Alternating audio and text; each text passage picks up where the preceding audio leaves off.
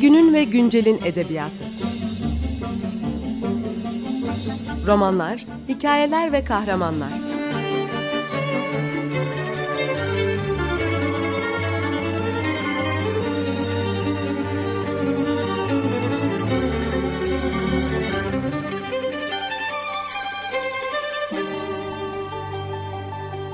Hazırlayan ve sunan Seval Şahin.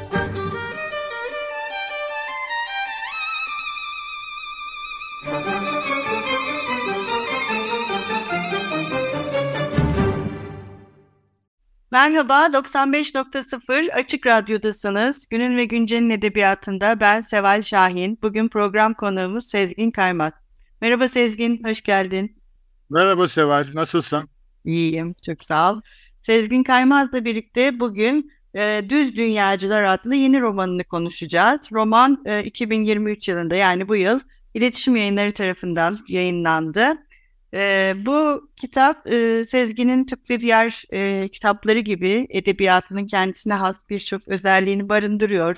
İronik bir söylem, e, çoğu zaman acaba burada gülsek mi ağlasak mı diye cümlelerin üzerinde düşündüğümüz, e, hatta benim zaman zaman acaba bu edebiyat mı yoksa felsefe mi diye düşündüğüm e, metinlerin yazarı sevgili Sezgin Kaymak.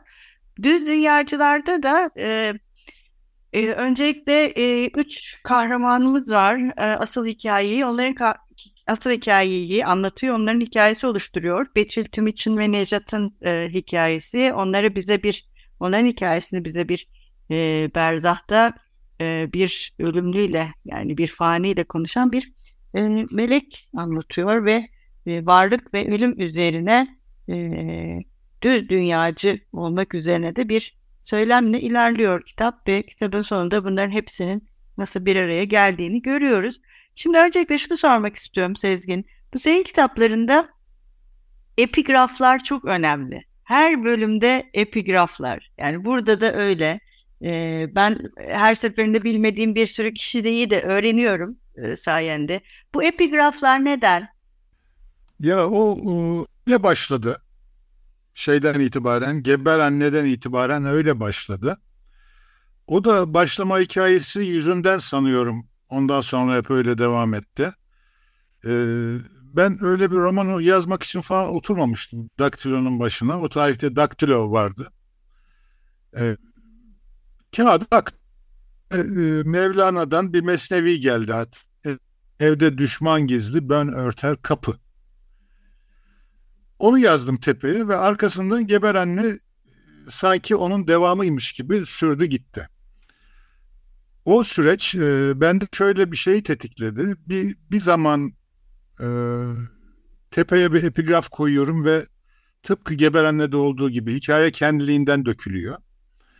Bir zaman da epigraf koymuyorum. E, unutuyorum veya içimden gelmiyor. Hikaye yürüyüp gidiyor sonradan epigraf ona yakışıyor böyle devam etti. Bu devam edince ben de müdahale etmedim Seval. Hoşuma gitti. Yani bir, bir, bir mektup geliyor sanki bir yerde. Zarfı açıyorsun aşağıdaki hikayede. Bunun gibi geldi bana ve böyle devam etti. Hikayesi bu. Evet, bu da senin edebiyatını ayrıca e, ayırt edici kılan bir unsura dönüştü zaman içerisinde.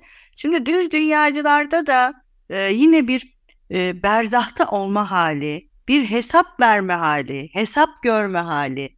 Kişinin hem kendi hesabını hem de başkalarının varlığın hesabını görme hali de e, senin de senin diğer edebiyat diğer edebi metinlerinde de var. E, bu neden böyle ya da sen de öyle düşünüyor musun? Seval. Önemli bir mesele. Şimdi senin edebiyatında e, berzahta olma hali önemli bir şey. Burada da öyle düz dünyacılarda kişinin kendi üzerine düşünmesi, varlık üzerine düşünmesi, bu ömür sürmek üzerine düşünmesi e, hep bir şekilde karşımıza çıkıyor. İşte bu düz dünyacılarda da tam da bir berzahta e, bunun konuşulması e, hep bu senin edebiyatının e, diğer e, diğer varlık meselesinin tartışmalarınla mı ilgili? Sanıyorum. Yani berzah biliyorsun ölüm alemi demek. Yani kimsenin gidip de gelmediği, görüp de gelip anlatamadığı, sadece inançlarla bir hesaba çekilişin hikaye edildiği, ancak inanıyorsanız, ancak herhangi bir dine mensupsanız, e, öldükten sonra bana bu dünyadaki e, hatalarımın, günahlarımın hesabı sorulacak diye bir imana sahipseniz, ancak o zaman berzah alemi bir anlamı oluyor. Bu da o anlama yaslanan insanlar için bir kıymet ifade ediyor. Ben bunu herhalde e, gözümü açtığımdan beri hep etrafımda inançlı insanlar gördüğüm için ve bu inanç üzerinden bugünlerde ülkenin politikası da belirlendiği için bunu eğer varsa bir sorgu al sana sorgu anlamında işlemiş olmalıyım. Hikaye çünkü beni oraya getirdi. Ha sorgu mu diyorsunuz? Bir sorgu mu var? O zaman bakın sorgu neymiş? Anlamında bir e, akışa sürüklendi roman. Ben de ellemedim. Bildiği gibi gitti. Böyle geldi sonuçta. Bir de bunu yaparken hey, inançtan bahsedildiğinde bu çok ciddi bir tonda anlatılmalıymış. İnanç çok ciddi e, hatta neredeyse asık suratlı bir şeymiş gibi bir yaklaşıma direnen bir dil de kuruyorsun sen bu metinde de diğer metinlerinde de. E, bu tartışmanın kendisini biraz daha neşeli bir boyuta taşımak. Evet bir varsa bir öte alem Seval e, orada böyle asık surat bilmem azarlama, fırçalama, dövme, eziyet etme falan bunlar insanlara özgü eylemler. Bunlar e, tüm bu kainatı yarattığına inanan insanlar bir daha düşünsün. Yani bu kadar şeye ya, hükmeden, hakim olan, bunları var eden, yaratan varlık e, surat mı asar? Döver mi? işkence mi eder? Yani önünde havuç mu sallar? Bunu yaparsan seni cennete alacağım falan diye. Bunu bir daha düşünsün. Bütün bu şeyler e, insana özgü. Yani insanın havsalasıyla çizdiği tanrı tasvirlerine sınırlar içindeki tavırlar. Bana öyle gelmiyor. Eğer varsa bir öte taraf, e, güler yüzlü bir öte taraf olmalı. Azarlayıp bağıran, çağıran değil. Evet, hatta alay eden kişinin kendisiyle bu kitapta e, neredeyse buradaki e, meleğin karşısındaki kişi fazla ciddi. Melek onu ciddi buluyor yani değil mi? Hatta böyle misin? Havan kime diyor? Bu kibir ne diyor? Yani ne sanıyorsun sen? Neyi bildiğini sanıyorsun diyor özetle. Evet. Bütün bu bilmek, varlık, işte inanç karşısında asık suratlılık yerine güler yüzlü olarak düşünme. Bütün bunlar e, o ilk başta söylediğim şeyi yeniden e, konuşmamızı sağlıyor aslında. Peki sence senin yaptığın sadece bir edebiyat mı yoksa bir felsefede kurmak gibi bir girişimin var mı bir, bir çaba? Ben bunu kabul ederim. Felsefeyi ne kadar becerebilirim onu bilmiyorum. Ben e, yazdım sadece Seval. Yani nasıl kabul ediyorsanız öyle. bir şey diyemem. Evet ama hayatı anlamlandırmak, hayatı anlamlandırırken buna bir neşe katmak e, ve bu e, neşenin e, tam da o ciddi zannettiğimiz ya da e, korkunç ve korkulu zannettiğimiz dünya üzerinden yaratılması bence e, kendi başına bir felsefeyi beraberinde getiriyor. Bu çok da e, güzel bir e, felsefe. Mutlu oldum. Teşekkür ederim. Havaya girdim. Estağfurullah. Bir de ölüm e, hep konuşuyorsun. Sen de sana da bu defalarca soruldu zaten ama ben de sormak istiyorum. E, kitaplarında bir şekilde hep ölüm var. Dünyacılar zaten doğrudan bunun üzerine kurulu bir kitap. Neden ölüm bu kadar seni meşgul ediyor? Ya, e, sen sorunca şimdi kafamda bir şeyler oluştu. E, bu kadar açıkçası niye ben ölümle bu kadar yatıp yuvarlanıyorum diye hiç düşünmedim ama iki sebep olabilir. İki defa ben ölümle burun burnuna geldim. Hatta bir gittim geldim öyle söyleyeyim. Bir biri bu olabilir. Biri de şu olur olsa olsa. Hayat e, Sırrı Süreyya Önder'in dediği gibi bir türkü kadar kısa. Varlık aleminin hayatı düşünülürse, hayat süresi düşünülürse. E, bu e, yaşadık 60 yıl, 70 yıl, 80 yıl neyse. Maşallahımız varsa 90 yıl yaşadık. 90 yılda bitti işimiz. Türkü bitti. Sonra sonra kaç milyar yıl ölü kalacağız bunu bilmiyoruz. Yani ölüm o kadar fazla ki hayatın yanında o kadar büyük ki asıl bence bundan bahsetmemek, bunu görmemek biraz kör bakmak olabilir. Var yani böyle bir realite var. Ee, öleceğiz çünkü doğduk ve e, yaşam süresi bittiği zaman da böyle kazayla veya işte hastalıkla, şunla bunla, yaşlılıkla öleceğiz. Ama öldükten sonra 1 milyar yıl, 2, 2 milyar yıl, 10 milyar yıl sonsuza kadar mı biz ölü kalacağız? E bunu nasıl görmem ben? Yani 60 yıl göreceğim, her şeyi anlatacağım, yaşayanları cibil cibil böyle oynatacağım falan. Ama ölenlerden hiç bahsetmeyeceğim. Bu bana dediğim gibi kör bakmak gelir. Herhalde o yüzden. İkinci sebebi de bu olabilir. Evet, bir ara verelim Sezgin. Bugün ne çalalım, ne istersin? Okulların ve dinleyicilerimiz için. Cadde'yi çok severim. Arkın Allen asıl adı. O da beni çok sever. Kitaplarımı okuduğunu biliyorum. Halitus, Mercan dedi. Peki. Merhaba, 95.0 Açık Radyo'dasınız. Günün ve Güncel'in edebiyatında ben Seval Şahin. Program konuğumuz Sezgin Kaymaz ile birlikte Düz Dünyacılar kitabını konuşmaya devam ediyoruz.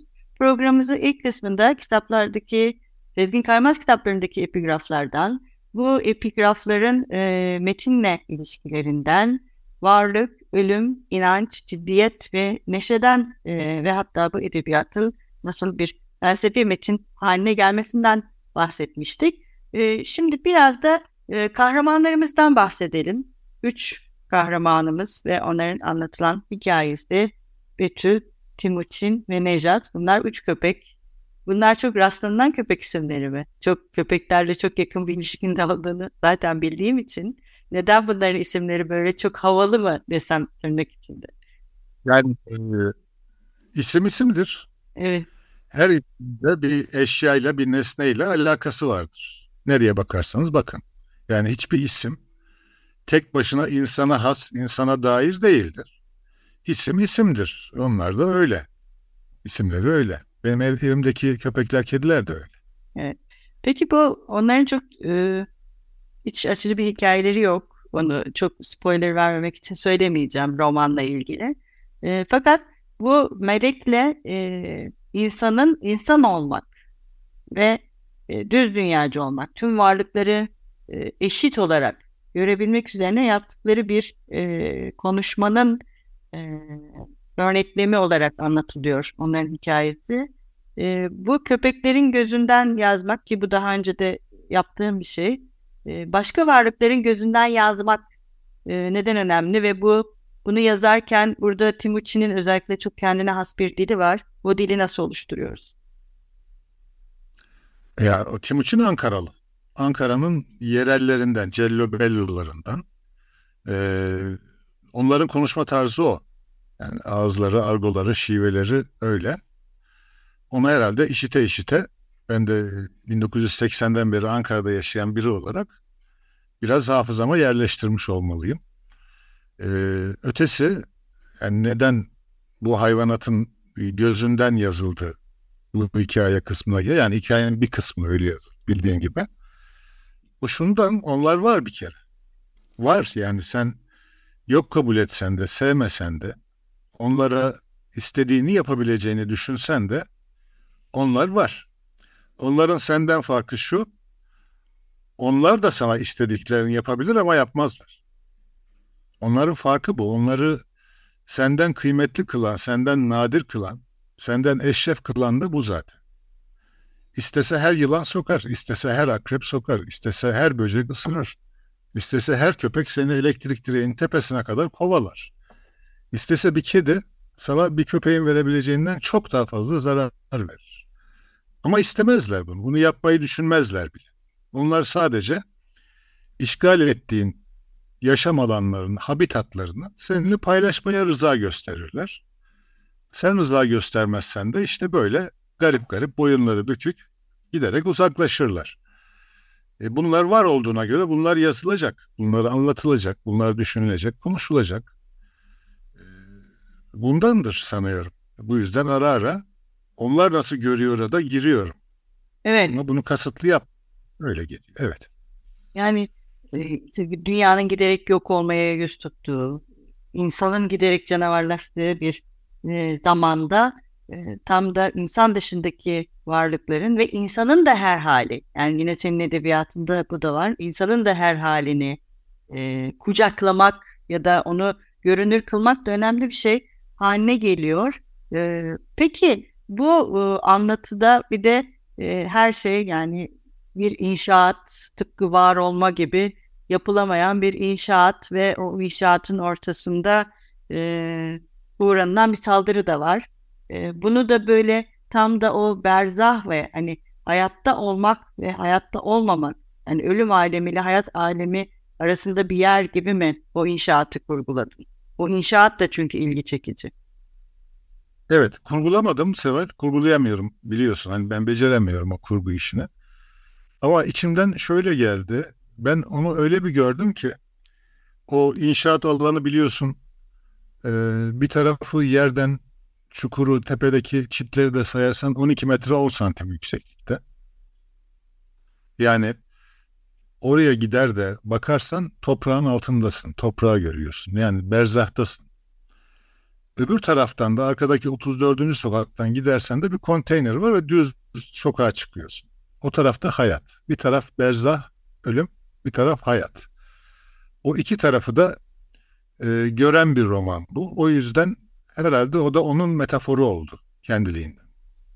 Evet o inşaat e, ve onun e, tam böyle detaylı bir anlatımı e, tam bir metafora dönüşmüş ve çok e, etkileyici bir sahneye dönüşüyor. Romanın e, farklı açılardan işte hem e, Betül hem e, Nejat hem e, Timuçin'in biraz daha az ama gözünden hem meleğin hem de e, insanın gözünden farklı farklı gözlerden e, yazılıp en sonunda e, bütün inşaat alanında seyredilen bir yere dönüşmesi herkesin de hani bir nevi dediğin gibi bir e, o sahneye çıkma, kıyamette bir sahneye çıkmaya ve e, evet. bunun sonucuna dönüşüyor. E, çok e, güzel bir roman Düz Dünyacılar ve her zamanki gibi çok e, keyifle okudum ve çok düşündüren, üzerinde daha çok düşünmemiz gereken bir eser ama biz maalesef programımızın sonuna geldik. E, çok teşekkür ederiz konuğumuz olduğun için. Ben, ben arayıp e, ilgilendiğin için çok teşekkür ederim. Var ol. E, biliyorsun programımızın sonunda e, biz e, dinleyicilerimiz ve e, yazarımızın okurları için e, eserinden okuduğu bir bölümle veda ediyoruz. Sen bugün düz dünyacılardan neyle veda etmek istersin? E, görmekle ilgili bir şeyi var meleğin. E, e, izahatı var. Karşısındaki hesaba çekilen varlığa. Ben o kısmı okuyacağım. Şöyle iki dakikalık falan bir şey. Peki. Çok teşekkürler. Son söz senin. Teşekkür ederim. İyi günler. Şimdi cevabının bir sorusu var. The Black Crowns. Gözün olmayanı görmeye talimli değildir kardeşim. Görüneni görsün diye vücuda getirilmiş bir uzuv, görünmeyeni nasıl görsün zaten? Göremezsin. Görünmeyeni görebilmek için neyin görünmediğini bilmen lazım gelir. Ki bu da her baba yiğidin harcı değildir. Şöyle ki, bir yeni mekana girdiğin zaman burada ne var diye bakarsın etrafına. Ne yok diye bakmak aklına gelmez. Burada neyi görüyorum dersin. Burada neyi göremiyorum değil. Ve yanıldığın nokta tam da budur. Her zaman olmaz ama Kimileyin evvelce ayak basmadığın bir yere gittiğinde ürperir, tedirgin olur, kimileyin korkar, evlere bahçelere kaçamak bakışlar atarken burada bambaşka bir şey var ama ne diye sorarsın ya mesela. Boş yere sorarsın. Bilmediğin bir sorunun cevabının kendine sorulmayacağını da bilmiyorsan o sorunun cevabını zaten bilmiyorsun. Yüz bin kere sorsan gene bilemeyeceksin demektir. Akıllı olsan semantik biliminin kalbini kırmak pahasına şöyle sorarsın. Burada bambaşka bir şey yok ama ne? Doğru soru budur. Fakat şu da var. Şaş kaza sorsam ve ne yok acaba diye bakmaya başlasam bile zaten hali hazırda gördüğün şeyleri görmeye devam edeceğinden doğru soruyu sorduğun halde vara bakıp yoku görmeye çalıştığın için yanlış soruyu sormuş gibi olur. Bu sefer de içten içe var olan bir şeydeki her şey o şeyi o şey olarak var etmek için vardır. Bu yüzden yokluğu düşünülemez. Demek ki yanlış soruyu soruyorum deyip kazara sorduğun doğru sorunun da hakkını yer, boşlukta dingil demeye başlarsın. Ama değil mi ki ürperip perilendim bir kere, ister istemez devam edersin o göremediğin şeyi görmek için bakmaya.